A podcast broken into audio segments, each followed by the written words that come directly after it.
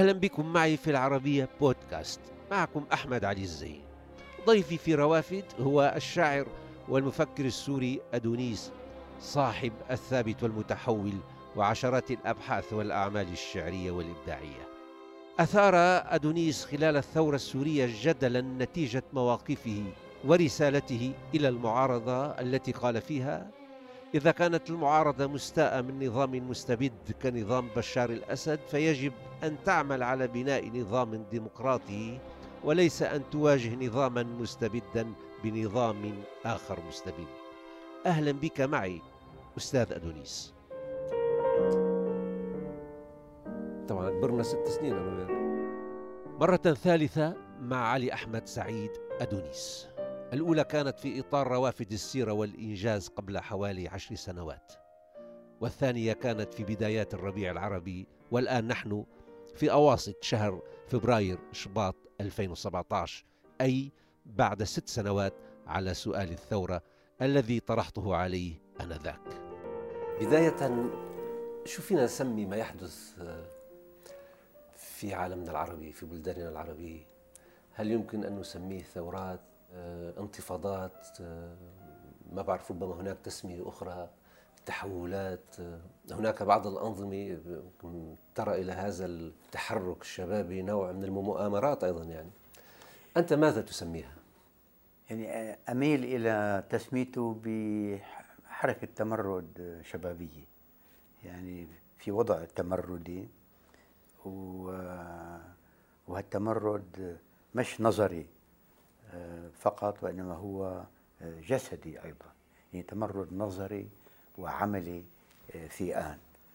وأهم شيء فيه أنا كما يبدو لي هو أنه لا نموذج له سابقا. لا في الغرب وطبعا في الشرق أيضا. والظاهرة الأكثر بروزا ولفتا للنظر هي حضور المرأة حضور المرأة خصوصا في تونس ومصر. هذا شيء مهم جدا وجديد جدا في الحياة العربية. تمرد يعني تمرد مش كلمة يمكن شوي بتأطر هذه الحركة الشبابية يعني تمرد آه تمرد بمعنى كأن كأن يعني شوي تحد من آفاقه. تمرد بمعنى أنه حركة تلقائية نعم. ومفاجئة وليس لها إطار نظري مسبق. بهالمعنى أين تضعها في سياق التاريخ؟ يعني أين هي من الثابت والمتحول اللي أنت شغل لك بالك لوقت وكتبت فيه؟ هي بوضعها أنا بداية الانتفاض على الثابت بداية التساؤل حول الثابت وأهميته. لكن أعتقد لكي تنتقل إلى مرحلة التحول لابد من أن نرى ما سيحدث. نعم. لأن التحول يستند إلى مؤسسات جديدة في المجتمع تحولت هي أيضا. نعم نعم. آه، ذكرت أنه كانت مفاجأة وغير متوقعة. يعني أنت أيضا فوجئت يبدو بما بما حدث. أنا أيضا آه. من, من الذين فوجئوا. نعم. آه وأنا سعيد لأنني فوجئت لأنني كنت في السابق أكثر ميلا إلى التشاؤم مني. إلى يعني لم أكن أنتظر هذا إطلاقا. وأنا سعيد أن التاريخ كذب هذا نعم. الموقف حتى ولو كان يعني يخصني أنا شخصيا. أثار هذا الرجل الكثير من الجدل حول كتاباته ومواقفه مما يحدث في بلاده. البعض اتهمه أنه موال لنظام الاستبداد وهو الذي كان رفع الصوت عاليا ضد هذا النظام لسنوات طوال منذ خروجه الأول من سوريا في أواخر الخمسينات. والبعض الآخر يجد فيما يقوله أنه يأتي في مقام القراءة النقدية التي تضع ما يجري في سياق التاريخ الثقافي للإسلام وإن هذه الأنظمة المستبدة هي وإن رفعت شعار العروبة والاشتراكية والوحدة والقومية لم تفلح في أن تحدث تغييرا لا في المجتمع ولا في ذاتها بل تحولت إلى أنظمة قمعية وإلى أحزاب عنصرية اقصت الآخر وأوصلت البلاد إلى الخراب. والبعض يجد فيما يقوله ويكتبه كأنه يهادن النظام وعاد إلى عباءة الطائفة. في هذا اللقاء سنطرح الأسئلة بوضوح على أدونيس لنتبين مواقفه وآراءه في هذا اللقاء أيضا. سنحاول استعادة بعض مفاصل رسالته التي بعنوان السيد الرئيس والتي فصل فيها اقتراحاته في الإصلاح ورؤيته لمفهوم الثورة والمعارضة وفصل أيضا مواقفه ومخاوفه وأمنياته. أظن ما كثير غير غيرت رأيك من ست سنين حتى الآن. وتشاؤمك كنت متشائم وعولت يبدو على على تلك الثورات أو الانتفاضات سميها ما شئت ولكن آه، كما الكل يعلم أنه ذهبت نحو العنف والتطرف. وأنت كتبت رسالة وجهتها ذات يوم يعني أظن بنفس الفترة اللي طلع فيها هذا الحوار يعني قبل ست سنين وجهتها تحت عنوان سيد الرئيس. لا مش سيدي. سيد الرئيس. سيد. السيد الرئيس طبعا مش سيدي. السيد الرئيس. لم أقل سيدي لأحد. طبعا أخذ عليك أنه أنت كنت تعول تعول بهالرسالة اللي بتتضمن الكثير من المواقف النبيلة طبعا يعني والرؤى أنه كيف يمكن أن تقوم الأوطان. يستحيل أن تقوم تحت مظلة آه، حاكم مستبد أو نظام بعثي مستبد اللي هو بالنهاية كما أنت تقول سيؤدي بنفسه وبالبلاد إلى الخراب والهوية. وهذا وهذا ما حدث. ولكن آه، هو يعني المأخذ كان عليك أنه أنت تعول على الشخص اللي هو يعني مسؤول عن هذه المذبحة التي حدثت في سوريا بصفته هو الرئيس. وهو يعني حامي النظام وحامي البلد بالآخر وحامي الدولة وحامي مؤسساتها هل هل ندمت على تلك الرسالة أم؟ نعم. بالعكس يعني تلك الرسالة آه، أنا لا أزال آه، يعني كشفت لي أشياء كثيرة وكانت. وكانت ضرورية. نعم. لكي توضح الصورة من جميع الجوانب. آه، تبين أن الذين مع الوقت يعني الذين قاموا بالمعارضة أو سموا أنفسهم معارضين بمختلف تنويعاتهم هم هم أيضا جزء من البنية الثقافية العربية. يعني النظام منها والذين عارضوا النظام هم أيضا جزء منها. وتبين لي أنه يجب من الآن فصاعدا أن نقوم بالكلام على المجتمع العربي أن نقوم بهذه التمييزات التي سأوجزها التمييز الأول بين الإسلام كرؤية للإنسان والعالم والمسلمين.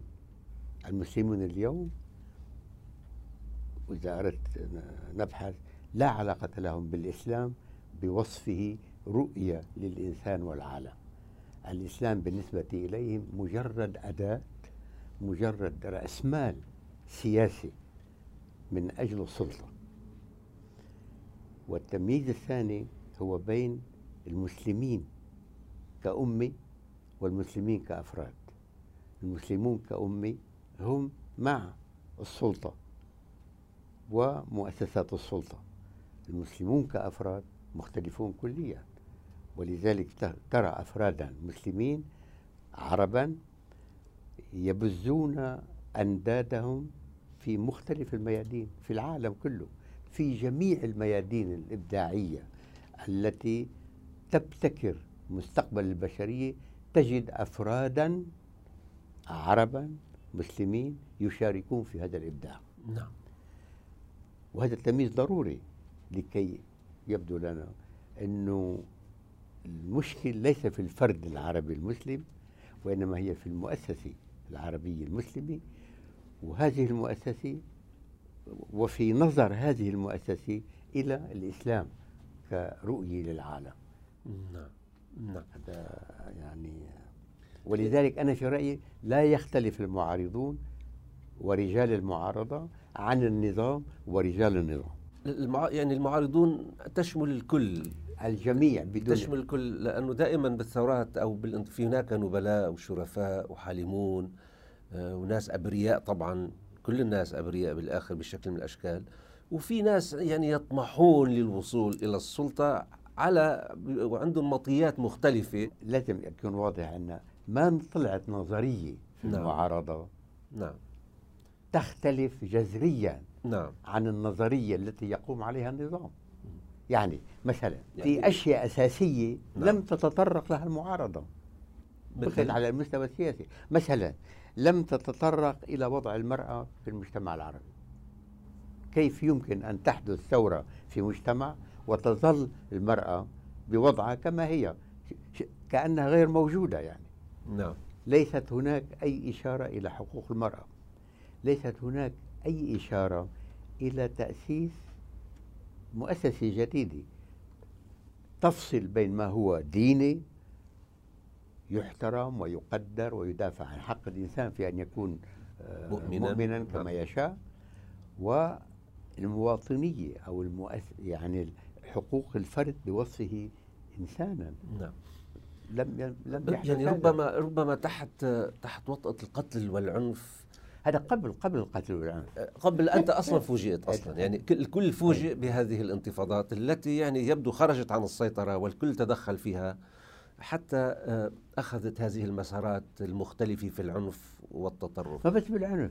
يعني لأول مرة ثورة ولكن حتى حتى ما نكون جا- جاحدين إيه. يعني بحق ال- ال- الجميع هناك الكثير يعني من عم يشتغلوا على على يعني وضع هذه الثورات في سياقات نظرية يعني لحتى يأطروها معرفيا حتى تأخذ سياق التاريخي يعني يخرجوها من الفوضى ومن التطرف وهذا بده ياخذ وقت لأنه مثل ما ذكرت الجميع فوجئ آه، ول- ولكن السؤال اللي بحب أطرحه عليك إنه طبعا آه، مش لأني عم لومك ولكن أنت تبدو تبدو كمثقف كنت تدافع تاريخيا عن الحق والعدالة والجمال وحرية الفرد وضد أنظمة الاستبداد وضد المستبدين وجهت رسالة إلى الشخص الذي لا يستطيع أن يصلح مؤسسته ونفسه. هذا السؤال طرحته عليك إنه غالبا الحكام المستبدون يصابون بنوع من انعدام البصيرة يعني بتحولوا إلى أنصاف آلهة.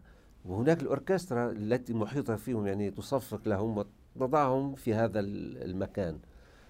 يعني أنت الا تظن أنه. عولت على الشخص غير المناسب الذي يعني بيقصف بالبراميل ويضرب كيماوي على جيد شعبه؟ جيد. هناك نظام قائم بمؤسسات وإلى آخره وبالجيش وب... وهناك معارضون. نعم. وإذا إذا في لو كان في أفق ثوري حقيقي كان ممكن ألام بهذا الشيء كان ممكن توجه إلى المعارضة وأنا أرسلت رسالة أيضا إلى المعارضة بنفس الوقت وأظن أنها لم تقرأ كالعادة وجهت رسالة للمعارضة وقلت لها إذا كنت مثورة على نظام مستبد يجب أن تقومي. تعملي لنظام ديمقراطي مش تعملي نعم تقابلي نظام مستبد نعم. بنظام مستبد آخر صحيح صحيح وإذا كان لا يمكن لمن وجه الرسالة؟ وجه إلى رئيس الدولة نعم نعم كان عندك تخوف أن تنتج هذه الثورات أو أن يعني يلبسها يستغلها ال- الدين الإيديولوجي يعني تستغل من قبل هذه التيارات المؤدلجة. يعني هذا الخوف مبني على معطيات لديك؟ هذا خوف مبني على آه، شيئين. الشيء الأول هو إدخال العنف في مسألة المعارضة. أنا من القائلين أنه حتى لو كان النظام عنيفا لا يجوز أن تكون المعارضة عنيفة لأنه بالأخير تتكلم بلغته وتصبح جزءا منه. صحيح. هذا أولا. وثانيا بالخطاب. مثلا الخطاب المعارضة حتى الآن لا يشير ابدا إلى بناء مش إلى إلى ما يعيق بناء المجتمع المدني وهو التدخل الديني في السياسي مثلا لا يشير ولا مره إلى وجوب فصل الدين عن الدولة مثلا. واذا مشكلة المثقفة ومشكلة المعارضة لا يجوز أن تكون محصورة في مجرد تغيير النظام. يجب أن تذهب إلى أبعد وأن تغير بنية المجتمع ومؤسساته تغييرا كاملا. وشو يعني لا أستطيع مثلا نعم. لا أستطيع أن أقبل إطلاقا أن أنضم إلى تظاهرة سياسية تخرج من الجامع. لكن لا أستطيع أيضا بالمقابل أن أقبل أن تقابل هذه التظاهرة نفسها بالعنف والقتل. لا يجوز لمعارضة حقيقية تريد بناء مجتمع جديد بقيم جديدة إلا أن تخرج من الساحات العامة. بتحس إنه هو الدين في البلدان هذه وبيعمل نوع من الحماية النفسية أو نوع من الحصانة نوع من الحصانة ضد هيك بيحميهم من رصاص من لا أدري من أين يأتي أو من من القمع من السلطة يعني الخروج من الجامع لا يمكن أن يفهم إلا بالمعنى السياسي. وهذا المعنى السياسي لا يمكن أن يفهم إلا بالمعنى الديني. هذه خطورة نعم. شو ممكن يعمل المثقف أمام كل هذه الأسئلة اللي, اللي طرحناها؟ يجب شو ممكن شو ممكن تعمل؟ اولا يجب دعم هذا التمرد لأنه هذه ظاهرة تاريخية. حتى لو خرج من المسجد. حتى لو خرج من المسجد. نعم. يجب دعم هذا التمرد ويجب آه، يعني التعاون معه لكن ضمن الحدود التي أشرت إلى نعم. وضمن ضمن السياق الجديد الذي يؤسس أو يجب أن يؤسس له. يجب الخروج من السياق التقليدي القديم الذي ساد البلاد العربية منذ خمسة عشر قرنا. يجب الخروج منه. وإلا لا يمكن. إلا إلا الدخول فيه من جديد كأنه ندور في حلقة مفرغة. وما يؤكد ذلك هو أن العرب منذ خمسين سنة على الأقل وهم ينادون بالثورة وبالإصلاح وبالتقدم بالتحرر من الاستعمار وإلى آخره. ونتيجة الخمسين سنة تعرفها الكوارث على جميع المستويات والتراجع على جميع المستويات. يعني باسم الوحدة تمزقنا وباسم الحرية تحولت بلداننا إلى سجون باسم وباسم الاشتراكية والعروبة صرنا فقراء ومشردين. نعم نعم. يعني بتعقد أمل لسبب أساس هو أن ما فعلناه على مدى الخمسين سنة الماضية بقي في السياق التقليدي القديم. والآن؟ والآن يجب إحداث القطيعة. مع هذا السياق. يعني بتراهن على هذا الجيل الشبابي أن يحدث قطيعة؟ آمل وأعمل لذلك. لكن الرهان آه، أتمنى أن أراهن.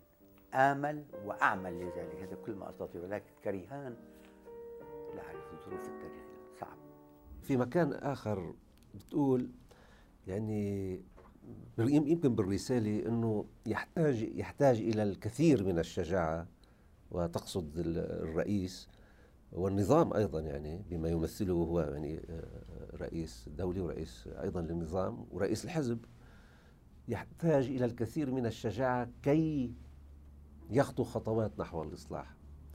وكنت موافقني القول أنه آه، إنه يستحيل نظام مستبد أو رئيس نظام مستبد أن يحدث إصلاح لأنه بيكون هو مصاب بنوع من انعدام الرؤية يعني والبصيرة.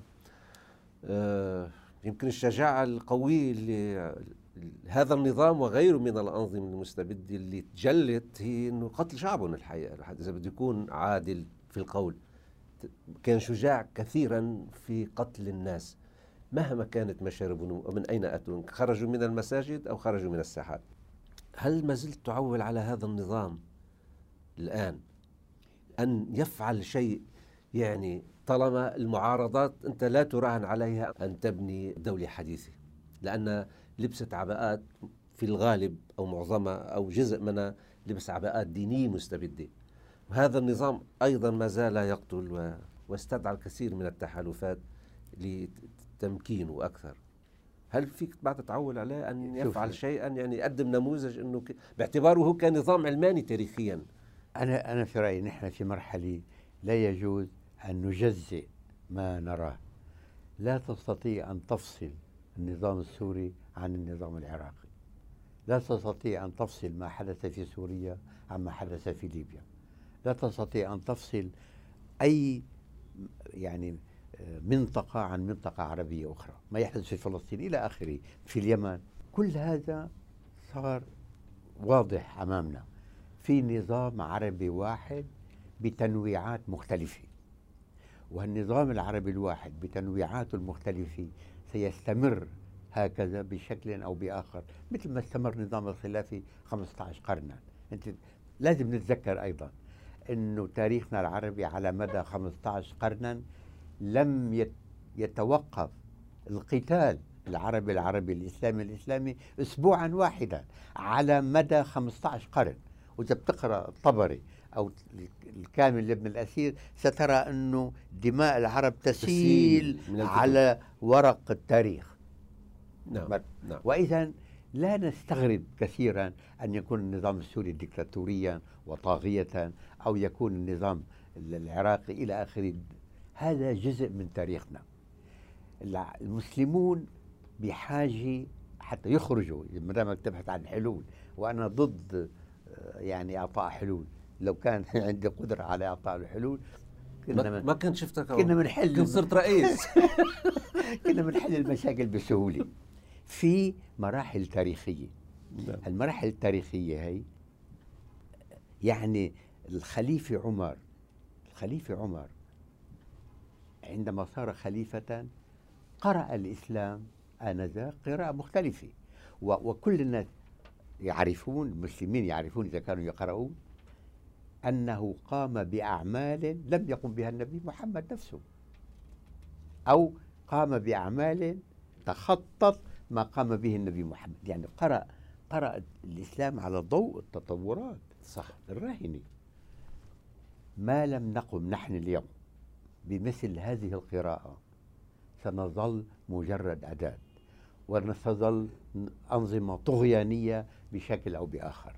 هذا يستحيل. في مفاصل يعني تاريخية. يحتاج العرب إلى خليفة مثل عمر. إلى بصيرة. نعم بصيرة عمر. وشجاعة كبصيرة عمر. إذا يجد أدونيس أن جوهر المشكلة ليس فقط في أنظمة الطغيان وحسب بل في الثقافة التراثية التي جاءت منها أو استلهمتها.